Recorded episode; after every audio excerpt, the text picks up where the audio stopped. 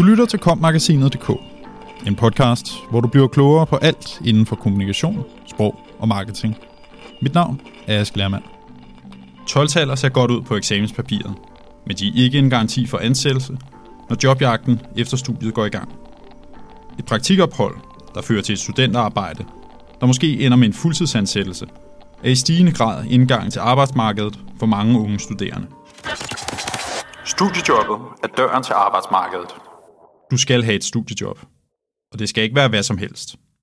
Det skal være studierelevant, udfordrende, interessere dig, supplere undervisningen på universitetet og meget mere. I den ideelle verden skal det studie og studiejob gå hånd i hånd i en perfekt symbiose. Der kan ikke være tvivl om, at et studiejob kan være med til at give nogle fordele. Det kan både være i form af gode fif fra virksomhedens salgschef til næste opgave om prissætning, erfaringer fra det praktiske arbejde, der kan gøre det nemmere at overskue forelæsningerne, eller endda også senere i livet, når man som færdiguddannet skal lede efter et fuldtidsjob og har brug for en god anbefaling til sit CV. Marianne Greve Jensen fra Kommunikation og Sprogs karriereteam arbejder målrettet med branchespecifik karrierevejledning og har løbende samtaler og workshops med blandt andet nyuddannede og studerende. Når hun bliver spurgt, om det er en god idé at få et studiejob, har hun et relativt simpelt svar. Ja, det er det jo. Helt grundlæggende er det en god idé at have et studiejob, og det er en god idé at se, om man kan få et, der er studierelevant, siger hun. En god investering. Selvom et job til tider kan være tidskrævende og stressende, når man også har et fuldtidsstudie ved siden af, så er det en værdifuld måde at investere sin tid, mener Marianne Greve Jensen. Det giver et indblik i arbejdsmarkedets dynamik, det udvider studerendes professionelle netværk, og det giver nogle andre kompetencer end selve studiet. Hun forklarer, at virksomhederne ser værdi i studiejobbet, fordi det er med til at give de studerende indsigt i, hvordan arbejdsmarkedet fungerer. Og det er med til at lære dem, hvordan de mange lærebøger, modeller, analyser og opgaver, man bliver skolet i på universitetet, kan omsættes til konkret opgaveløsning på en arbejdsplads. Hvis du har haft et studiejob, kender du arbejdsmarkedet, du har erfaring, og du ved, hvordan man begår sig på en arbejdsplads. Du har arbejdet sammen med kolleger, og du har haft deadlines, siger Marianne Greve Jensen. Du skal være god til sprog. I en baggård, 100 meter fra Vesterport station i København, befinder et af Danmarks største PR- og reklamebyråer sig. På Gamle Kongevej 3E, anden sal, sidder director og partner Thomas Bæk Sørensen, omgivet af ca. 15 kolleger i et storrum, afskærmet af flytbare vægge af filt. Som et af landets største og førende PR- og reklamebyråer med mere end 130 ansatte, har Advice konstant en løbende strøm af praktikanter. Byrået, der er mere end 30 år gammelt, er stolte, når vores praktikanter lykkes og finder deres vej i karrieren, som det hedder på selskabets hjemmeside. Byrådets tidligere CEO, Esben Højlund, startede sin karriere Advice som praktikant, for senere inden som topchef i selskabet.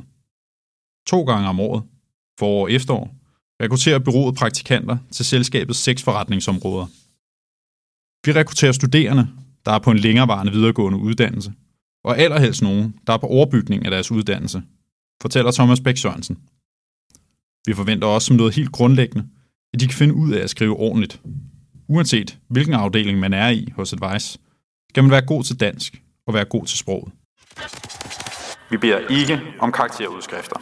Når Advice modtager en praktikantansøgning, ser de især på, hvad CV'et indeholder af tidligere erfaringer. Det vil meget gerne vise, at ansøgeren er en person, der er afsøgende i forhold til, hvad Advice laver. Søgeren ansøger ind i byrådets Public Affairs afdeling, så kigges der efter, om det er en person, der interesserer sig for politik. Søgeren ansøger ind i PR-afdelingen, så skal det gerne kunne ses, at det er en person, der interesserer sig for medier. Der er også nogle menneskelige aspekter, vi kigger efter. De må gerne have en art ukrukkethed over sig, og en sult efter at prøve kræfter med konsulentverdenen, siger Thomas Bæk Sørensen og tilføjer. Som udgangspunkt beder bureauet ikke ansøgere om at sende deres karakterudskrifter. Der er nogen, der gør det, men det er ikke afgørende for vurderingen af, om ansøgeren er den rette. Vi går meget ud af, at der er flere praktikanter, der starter op på samme tid, så de er en gruppe, så den enkelte praktikant ikke føler sig som palle alene i verden, fortæller han. Så snart de begynder, får de tildelt en mentor, hvor de sammen udarbejder en plan for praktikantens udvikling. Mentoren følger praktikanten og støtter op, når der er brug for det og så har vi sat tid af til løbende sparring omkring praktikantens personlige udvikling og arbejdsopgaver. Jeg synes faktisk, at vi tager det meget seriøst.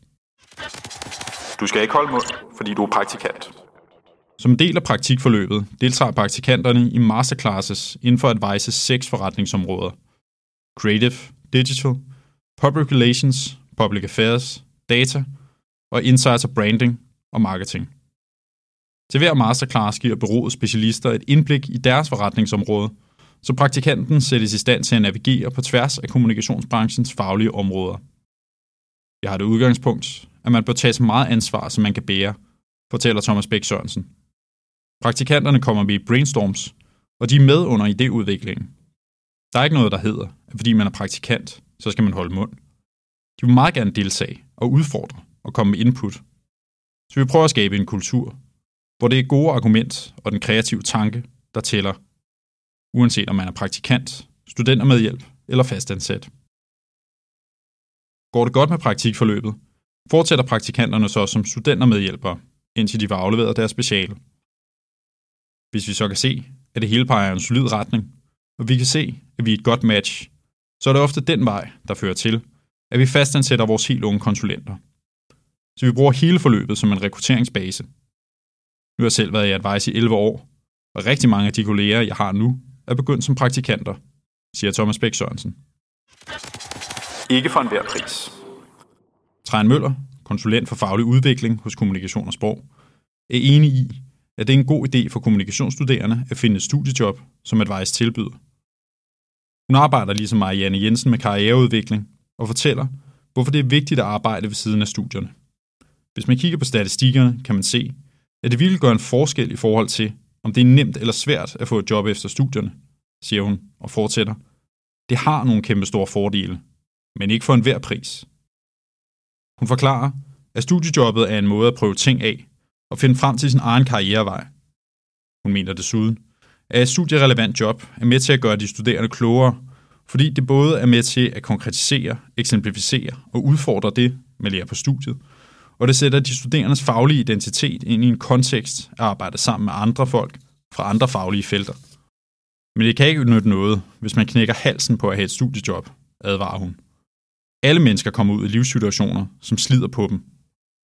Hvis man står og skal flytte hver tredje måned, eller hvis der er knas i baglandet, så skal man ikke lægge en ekstra opgave på sig selv.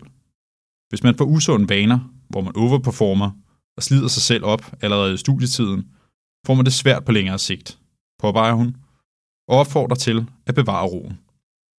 Vi støtter dem i at begrænse deres engagement hos os.